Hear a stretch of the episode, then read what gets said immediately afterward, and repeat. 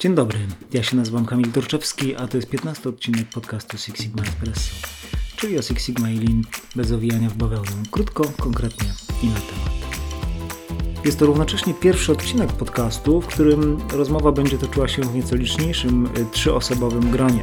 Moimi gośćmi będą panowie Krzysztof Połomski oraz y, Piotr Knopik, obaj z firmy Velux. Rozmawiamy przede wszystkim o dwóch wątkach. Pierwszy jest to metodyka Fast Track Remake. Wielu z Was być może nie zna tej metodyki, nie słyszało jej nigdy.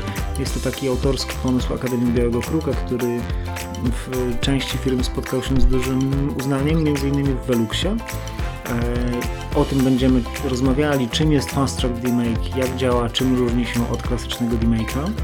A druga rzecz, no to jest taki wątek w ogóle organizacji obszaru usprawniania procesów, doskonalenia procesów w firmie Velux pod szyldem programu o nazwie OPEX. Ale o tym y, opowiedzą już moi goście, a więc zapraszam Was bardzo serdecznie. Przed Wami Krzysztof Połomski, Piotr Knopik i ja, czyli Kamil Torczewski. No to dzień dobry, cześć Krzysztof, cześć Piotr. Cześć Kamil. Słuchajcie, pierwszy, pierwszy raz nagrywamy odcinek w takiej formule, że mm, jesteśmy we trójkę, jest dwóch e, i pracujecie w firmie Velux. E, prosiłbym Was krótko, powiedzcie coś o sobie, kim jesteście, czym się zajmujecie w Veluxie.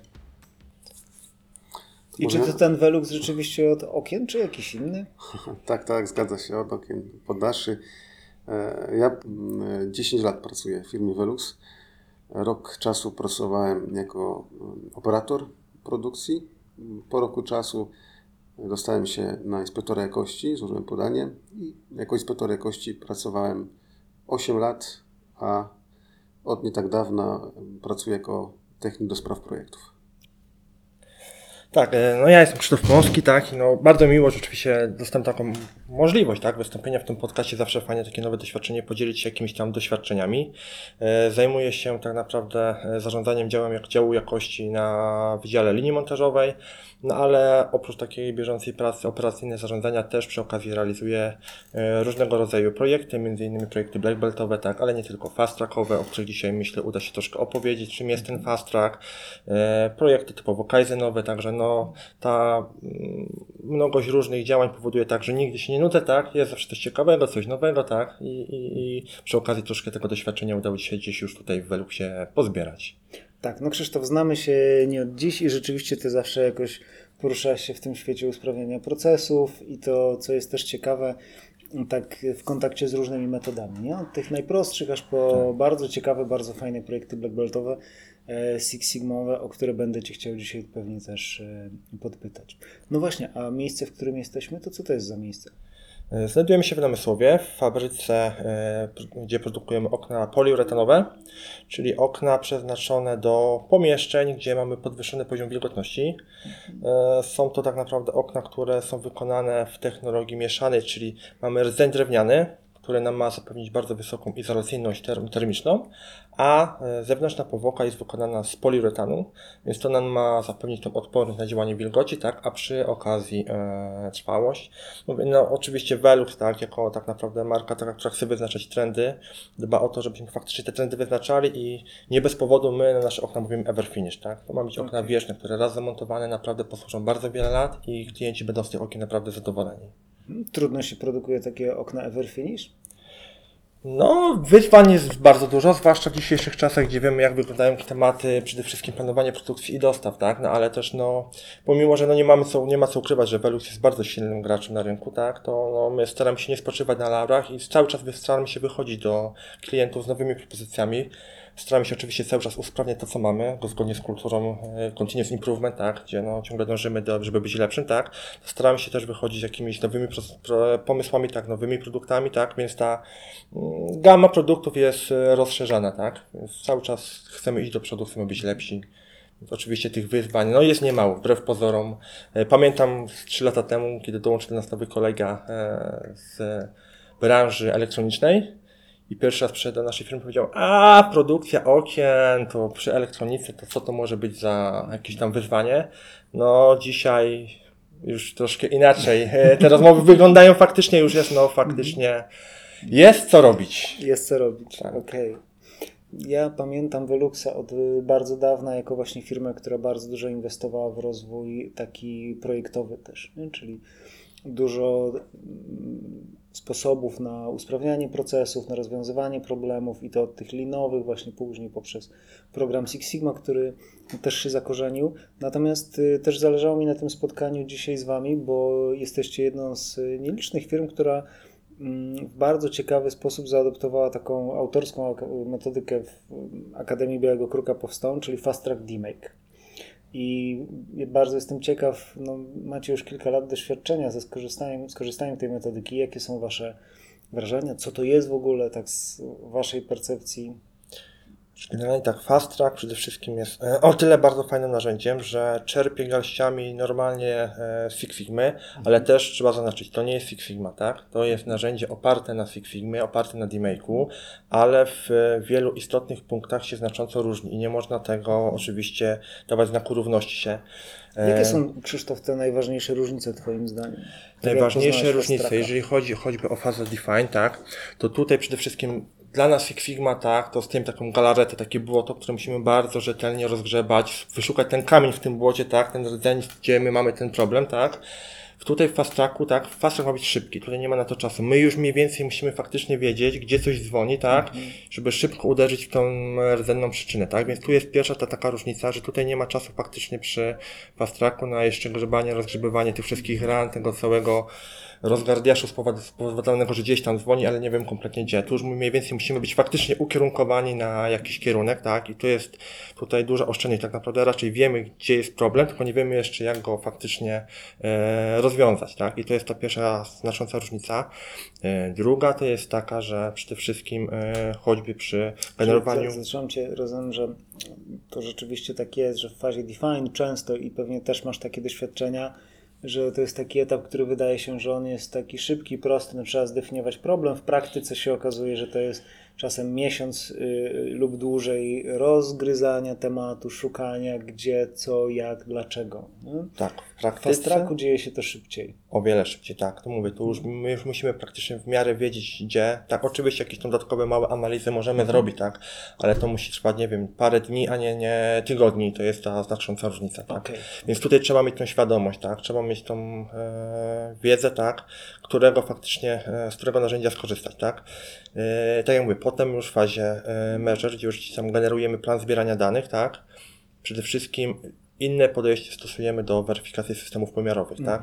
W Six Sigmy typowej, tak, tutaj twardo, tak, staramy się, jeżeli to tylko możliwe, robić różnego rodzaju badania, gauge, tak, takie naprawdę analizy, które często, gęsto też pochłaniają, dużo czasu. czasu. no bo trzeba te próbki przygotować, tak, trzeba zebrać ludzi tego badania, tak, trzeba powtórzyć te tury, tak, więc to faktycznie to, tego czasu troszkę, no, nie ma co się ukrywać, konsumuje. Tutaj, oczywiście, to nie jest tak, że my zapominamy o systemie pomiarowym, my jak najbardziej go weryfikujemy, ale bardziej jest to weryfikacja na takim mm, zdrowym rozsądku, tak, czyli w takim przykładzie, jeżeli, nie wiem, idę zweryfikować system pomiarowy, coś mierzymy od 10 lat i wiemy, że my tak to mierzymy, okej, ja się z tym liczę, że tam może być faktycznie ten błąd pomiarowy, ale ten pomiarowy, błąd pomiarowy tam był i ja wiem, że on jakby mi nie zaburzy dalszych wyników, bo ja wiem, że jakby tutaj faktycznie możemy się z tym liczyć tak, ale metoda była zaprobowana od wielu lat i pomimo, że w tej metodzie nic nie zmieniliśmy, to problemu nie było, nagle jest, więc jakby tym analogicznie takim tokiem myślenia, okej, metodę nie zmieniliśmy, może nie była zwalidowana przez Gage'a, tak, ale faktycznie tu się nic nie zmieniło, więc raczej jest małe ryzyko, że ona sama w sobie wpłynęła na zły wynik, tak, a nie mam czasu na znowu przygotowywanie próbek i tak dalej, więc na taki zdrowy rozsądek ja sprawdziłem, okej, metoda jest, istnieje od kilku lat, jest używana ciągle w taki sam sposób, jest raczej ryzyko Jakieś oczywiście jest, że ona wpłynęła na jakby sam problem, tak? Ale jest bardzo niskie, ponieważ no nic w niej nie zmienialiśmy, więc ja ok, akceptuję, że tą metodę zweryfikowałem i ja mogę ją zaakceptować jako taką, żeby dalej z nią pracować, tak? Bo tutaj faktycznie no, czasami po prostu trzeba podjąć takie ryzyko w fast tracku, tak? Czyli rzeczywiście y, tak to rozumiem, co mówisz, że w fazie measure, na przykład na etapie weryfikacji systemu pomiarowego, pozwalasz na to, że pewne ryzyka czy pewne niejasności, żeby zostały niejasne, i ważniejszy jest tutaj czas niż za wszelką cenę potwierdzenie, udowodnienie i sprawdzenie wszystkiego. Tak, ale oczywiście trzeba zachować ten zdrowy rozsądek, no bo jeżeli Jasne. widzimy, że ten system jest, ale on jest bardzo wątpliwy, no to niestety tutaj... No, Trzeba się zatrzymać. Tak, no bo też e, prowadzenie projektu na siłę do przodu jest no, stratą tak naprawdę czasu, tak, i przede wszystkim tak naprawdę, no pieniędzy, bo czas to pieniądz tak naprawdę, no, zasoby też kosztują, nie? Dlatego mówię, ale przede wszystkim zdrowy rozsądek, tak? Czy coś jeszcze jest takiego, co byś wskazał? E, teraz tak, no tak naprawdę idąc po kolei może takimi głównymi zmianami, zmianami różnicami w poszczególnych fazach, tak? Faza Analyze, tutaj no nie potrzebujemy tak naprawdę grubej statystyki, tak? To nie, nie te narzędzie, e, nie te kompetencje, tak? Bo przede wszystkim też Fast Track to jest narzędzie, które ma być w miarę proste w użyciu i dostępne dla szerokiego grona e, tak naprawdę użytkowników, którzy z tego narzędzia będą korzystać, tak? Więc tutaj robimy proste analizy, jakieś proste wykresy graficzne, tak? Tak, żebyśmy mogli sobie te dane zwizualizować i na podstawie tej prostej już wizualizacji tak naprawdę powiedzieć, ok, coś tu się dzieje, tutaj nie ma żadnych jakichś powiązań, tak? Tak, że bardziej zostajemy już tylko przy tej wstępnej analizie danych, gdzie my robimy ją normalnie przy Figmie, ale nie idziemy dalej już głębiej, tak? Ewentualnie Testowanie tylko, hipotez tak, tak to, jak jedyną analizę, jaką możemy zrobić, to ewentualnie zastanowić się jeszcze, nie wiem, przejść dodatkowo przez 5 razy Y, czy po prostu z tą przyczyną jeszcze możemy spróbować troszkę głębiej ewentualnie zejść, ale to jest taka naprawdę podstawowa analiza, bez bawienia się już w jakieś analizy statystyczne, już broń Boże DOI, czy tego rodzaju narzędzia. No i potem oczywiście analogicznie, jeżeli przechodzimy do fazy improve, tak, to robimy w miarę e, szybką analizę, tak, tych zmiennych, tak, e, tutaj ja najczęściej akurat w tym przypadku wykorzystuję how lub e, Keeper Lotosu, tak, ale kiedy idziemy na przykład już do oceny ryzyka, to to się nie bawimy w FMA rozbudowane, tak, robienie głębokich analiz, tak. Najczęściej jest to proste rozwiązanie tabelaryczne, mamy potencjalne rozwiązanie, jakie jest ryzyko dla wdrożenia rozwiązania, ryzyko dla samego, ale bardzo prosta taka tabelaryczna e, ocena, tak żeby jak najszybciej po prostu ustalić, czy akceptujemy ryzyko, czy coś wdrażamy, tak, bez jakiegoś bawienia się w scoringi, w matrixy i tak dalej, tak. Naprawdę taka podstawowa ocena ryzyka, która musi być wykonana, żeby nie było, że coś chcieliśmy spróbować, a potem czegoś nie uwzględniliśmy, no ale, ale też bez wchodzenia w taką bardzo szczegółową, głęboką analizę, tak, tych ryzyk. No i oczywiście potem już faza końcu tak naprawdę jest przyjemność, tylko potwierdzanie, tak, wdrożenia standardów, e, chwalenie się tym, co, co, co się udało uzyskać. Tutaj już powiedzmy ta gdzieś tam metoda jest najbardziej zbliżona do normalnej Six Figmy, tak, bo tu już aż tak dużo tej pracy takiej typowo operacyjnej nie ma, tak, no ale trzeba pamiętać o tych kluczowych e, rzeczach, czyli wdrożenie standardu, tak, przekazanie tego działania dla właściciela, dla sponsora, tak, także to są te kluczowe działania, które muszą być wykonane. Okej. Jak mówisz y, o tym, że faza control to już taka przyjemność i to Tak. i trzeba potwierdzanie wyników, to tak brzmi jakby wszystkie te fast tracki wasze się udawały. Tak y, rzeczywiście jest, czy, czy niekoniecznie?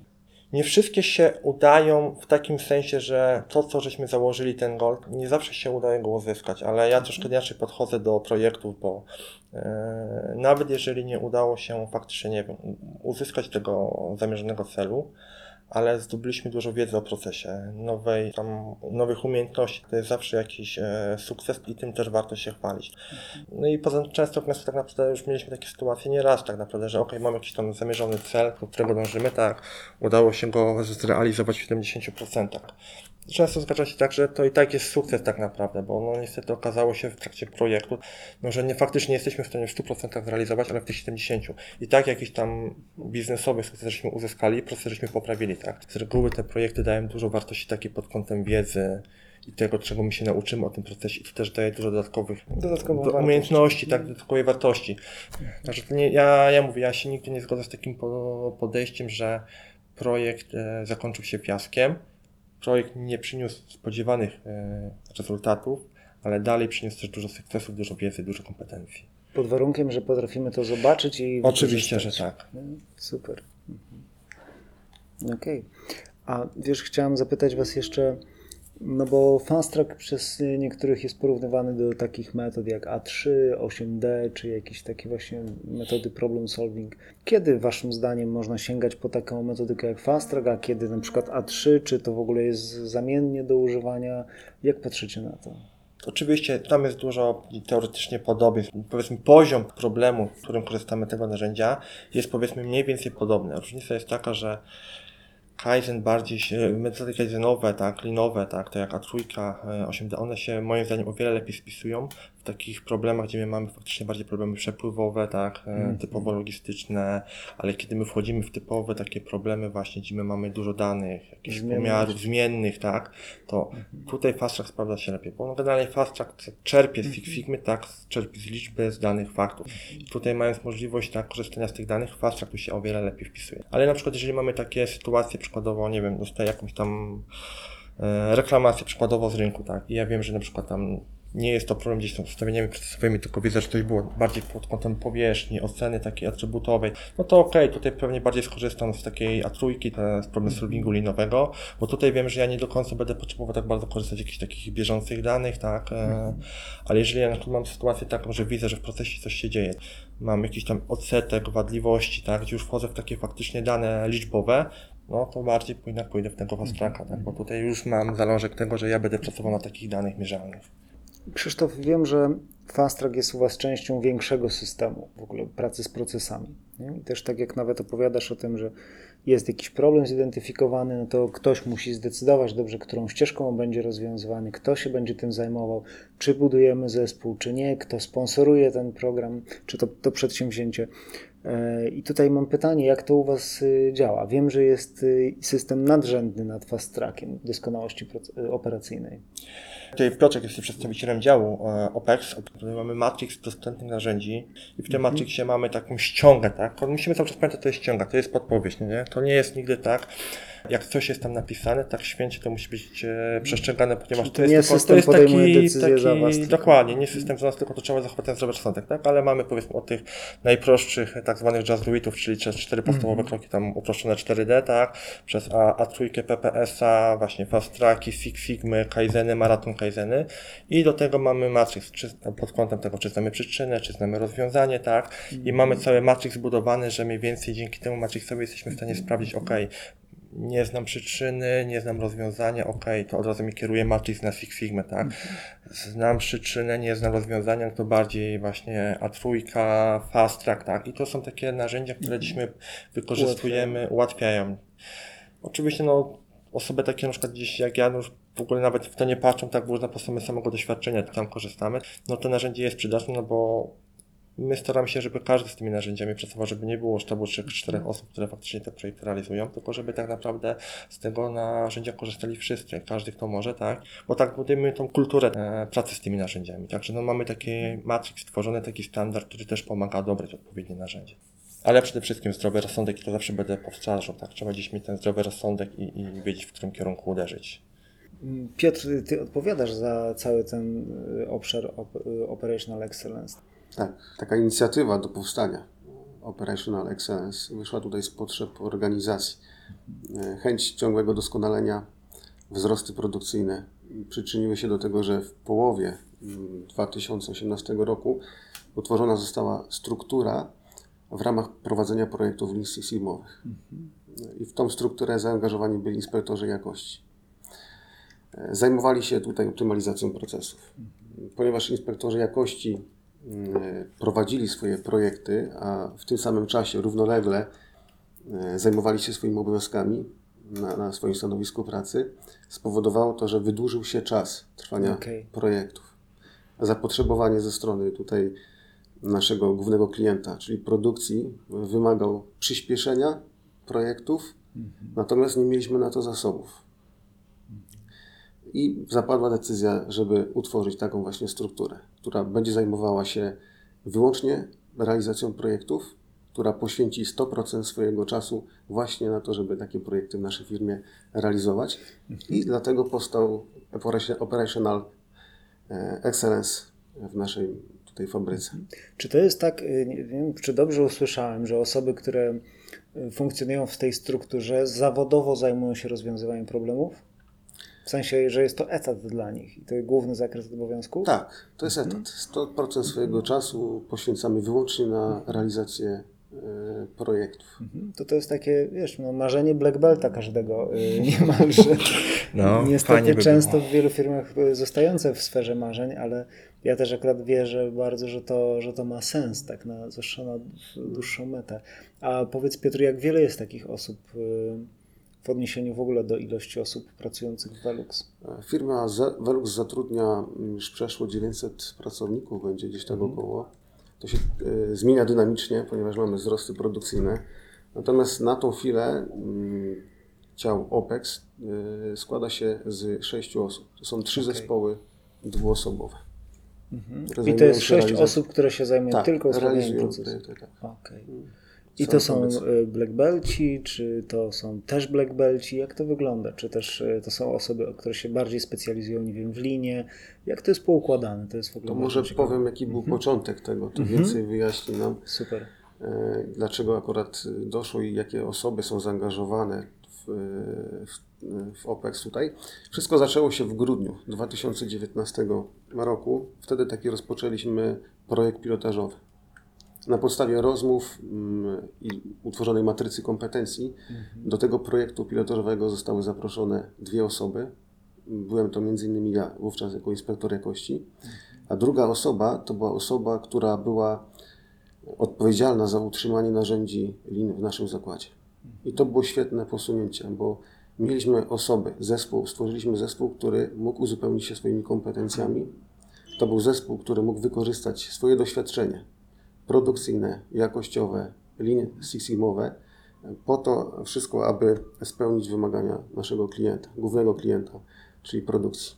No ty jak mówiłeś na początku, wywodzisz się z produkcji, czyli znasz ją pewnie jak własną kieszeń dzisiaj Tak, też. nie? tak. To, to dużo daje. E, Praca na produkcji, później też w roli tutaj w charakterze inspektora jakości, to wszystko później możemy wykorzystać mm, przy naszych projektach. Czyli początek był taki, że został y, powołany taki dwuosobowy e, team, zespół, grupa, gdzie no, osoby były zarówno w Twojej postaci z obszaru tego jakościowego i osoba z obszaru takiego przepływu, czyli linowego. nie? Tak. A jak to wygląda dzisiaj? E, Dzisiaj wygląda to tak, że mamy mm, powołany zespół, e, trzy, trzy zespoły właściwie, tak, dwuosobowe, które realizują projekty już na całym obszarze. One wszystkie są w takim miksie właśnie y, Tak, jakość tak, plus... czyli y, połączenie przepływ. jakości i połączenie lin. Em, To są trzy zespoły i realizujemy projekty już na całym obszarze. Em, Projekt pilotażowy, który prowadziliśmy, jeśli chodzi o naszego głównego klienta, czyli produkcję, okazał się sukcesem. Dlatego zapadła taka decyzja, żeby rozszerzyć tą grupę em, i na tą chwilę te zasoby, które mamy, obsługują tutaj już naszą całą tutaj organizację.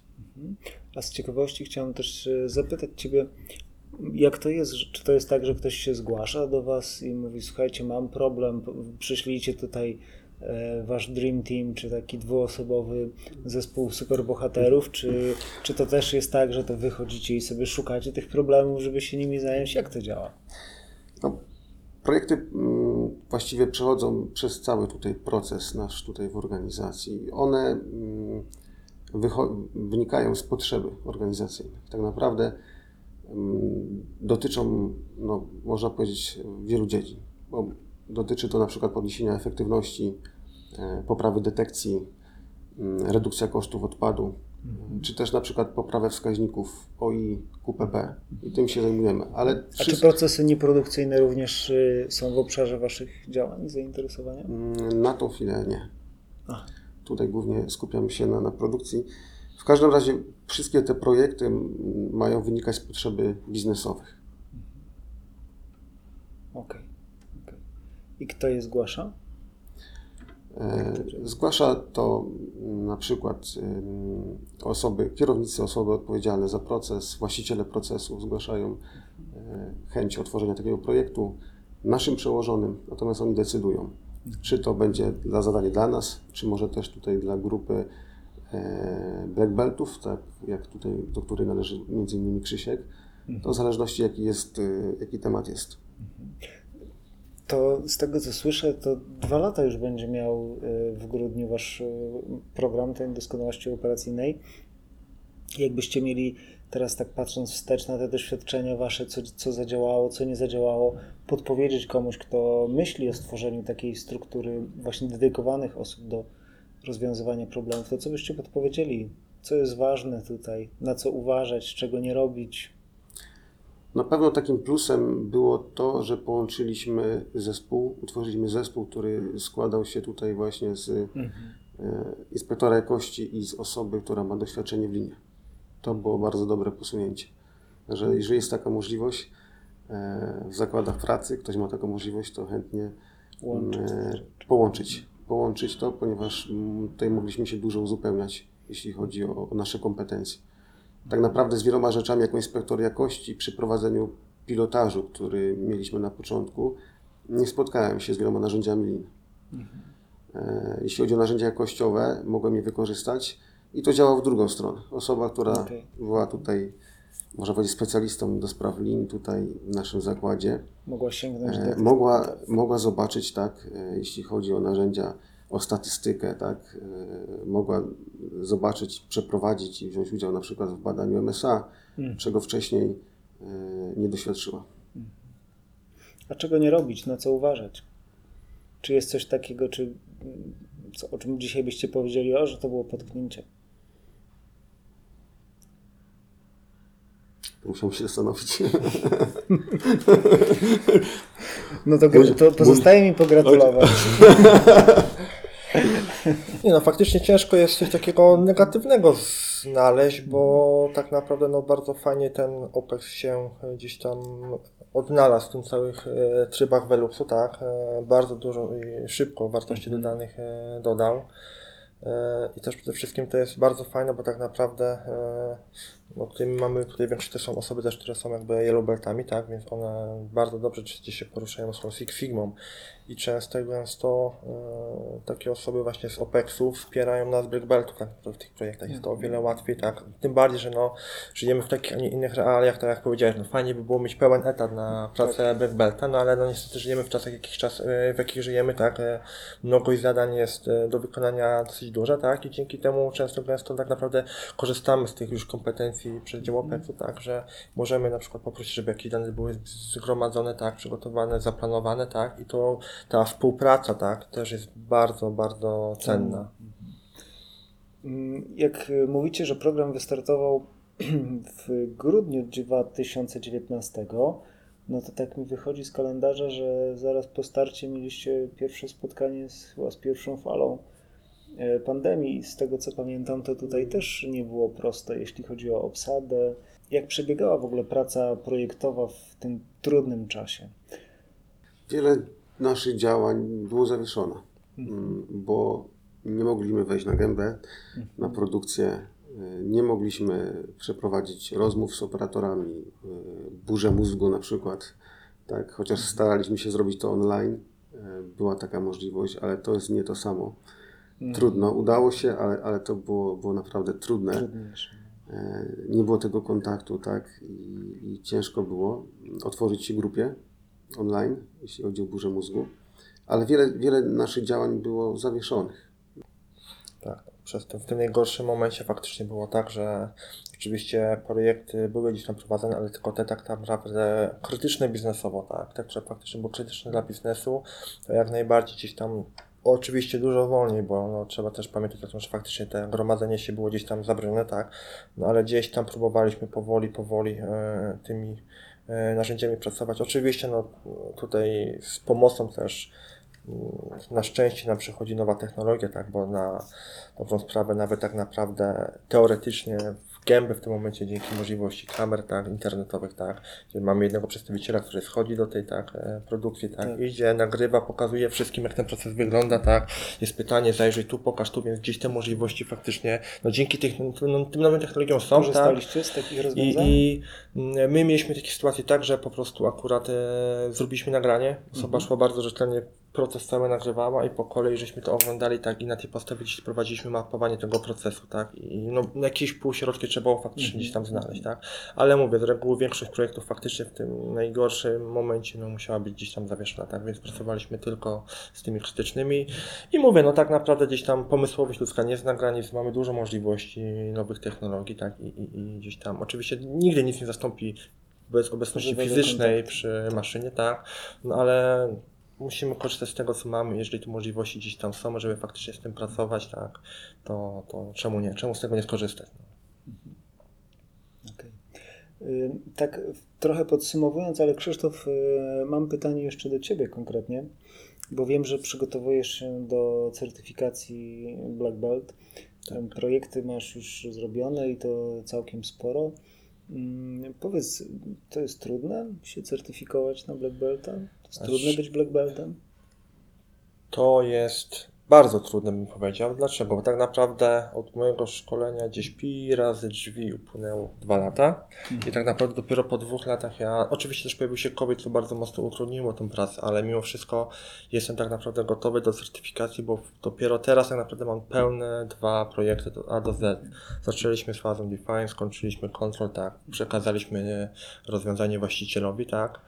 A in fact, tak, naprawdę tych projektów było pięć, po prostu trzy projekty były zamknięte. Jedna w fazie define, jedna w fazie, dwie fazie bodajże improve, tak. To nie jest tak, że te projekty one nie, gdzieś tam nie przyniosły sukcesu, bo oczywiście one swoje sukcesy przyniosły, tak. Tylko po prostu no widząc już po prostu, że my wcześniej tak naprawdę odgrzebaliśmy na przykład rdzenną przyczynę, no to bez sensu na siłę udawać, że my z Dokładnie. projektem dalej jedziemy, tak. Mm, Zrobiliśmy tak naprawdę DOI, od razu zobaczyliśmy, gdzie jest problem, tak. No tam nie trzeba już faktycznie sztucznego tłumu robić, udawać, że my się spotykamy, robimy generowanie rozwiązań. Nie, okazało się, że szybciej znaleźliśmy te działanie. No i kończymy to, zamykamy, wdrażamy, koniec. Oczywiście do certyfikacji nie mogę podejść, no bo nie, nie zrobiłem jakby całego remake'a, tak. No ale jakby e, sukces był tylko po prostu szybciej, tak. I Doświadczenie też było. Inny projekt, który gdzieś tam tak naprawdę zamknąłem na fazie już e, tak naprawdę measure, to był moment, kiedy tak naprawdę zacząłem robić analizę systemu pomiarowego, no i wyszło mi po prostu bardzo otwarcie, że niestety system pomiarowy jest w ogóle niezdolny do czegokolwiek, tak? Są tak ogromne przekłamania, że tym danym w ogóle nie możemy wierzyć, tak? Prost, krótka dyskusja ze sponsorem. Mamy taki system, mamy takie, e, taką sytuację. Bez wyprostowania systemu pomiarowego tak naprawdę nie ma, Nie sensu, sensu, dalej tak. iść z projektem. Chwi- Na chwilę był gdzieś tam projekt całkowicie przywieszony, potem e, ten system pomiarowy był poprawiony, problemu nie ma. Często Gnesto tak naprawdę to pokazuje, że no, błahe tematy, e, znaczy e, niby grube tematy, tak, okazują się po prostu błahe, tak naprawdę proste, tak. Wystarczy tylko gdzieś tam popatrzeć w odpowiednie miejsce i nagle okazuje się, że problem jest bardzo prosty do rozwiązania. Czyli na pięć, te, pięć projektów y, demake'owych, które uruchomiłeś, można powiedzieć, że wszystkie zakończone sukcesem, ale dwa wymagały przejścia aż do fazy control. Tak, tak. Okay. Jakbyś miał podpowiedzieć tym, którzy gdzieś są na tej ścieżce black beltowej, zaczynają dopiero tą przygodę, robią swoje pierwsze projekty, to jaka jest taka najważniejsza rada, którą byś e, chciał im dać? Nie bać się błędów, Mhm. Bo błędy będą zawsze. Ja nawet po tym piątym projekcie zawsze widzę, co bym zrobił inaczej, zawsze widzę, co bym zrobił, poprawił, tak. I, i, i, i, no i to jest to, czego należy po prostu być świadomym, tak. Nikt nie jest nieumilny, e, wszystko się zmienia, procesy się zmieniają, każdy proces jest inny i zawsze uczymy się czegoś nowego i, do, i za każdym razem coś moglibyśmy zrobić lepiej, w inny sposób i, i no i to tak to wygląda. I druga rzecz, której się ludzie często najbardziej obawiają, to jest statystyka.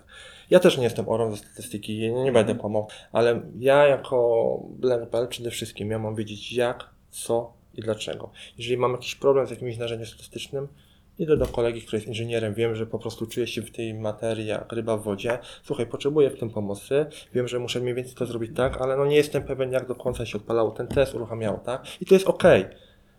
Ale najważniejsze, że ty wiesz, jak i dlaczego i po co, tak? I w którym Tak, po to masz też ten zespół, który ma ci tym e, pomóc, tak? To lider jest odpowiedzialny za to, żeby wiedział kiedy, co, po co i dlaczego.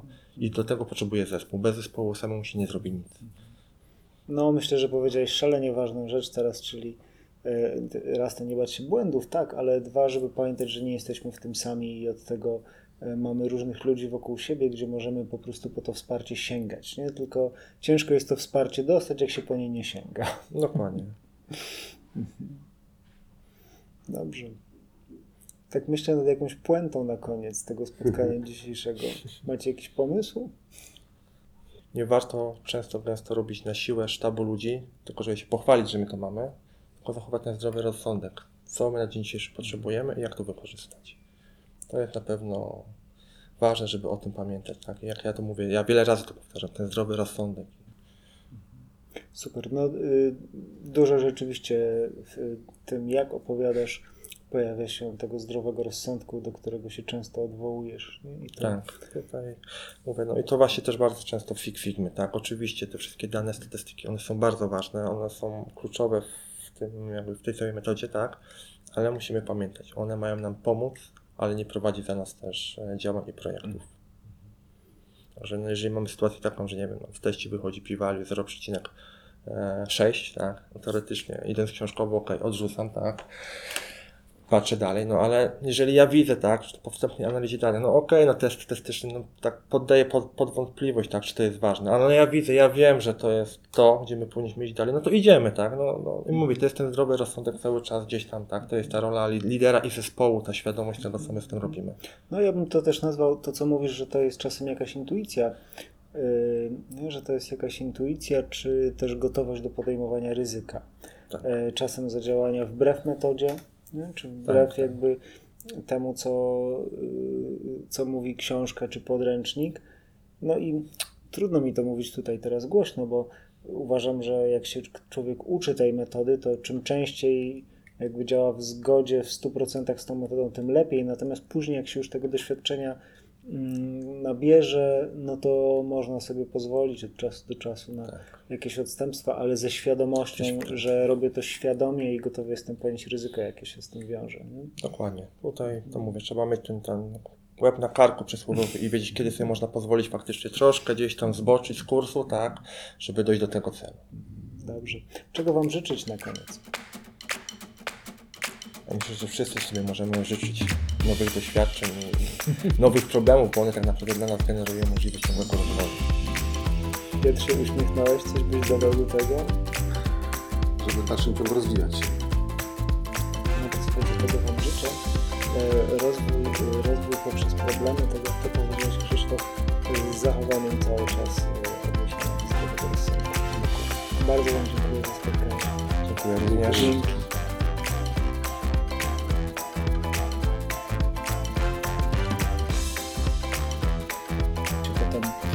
Tak jeszcze w postprodukcji jakoś Jest szansa czy- czy- Tak, tak, tak, tak. Jest Tak, szansa. nie, no to już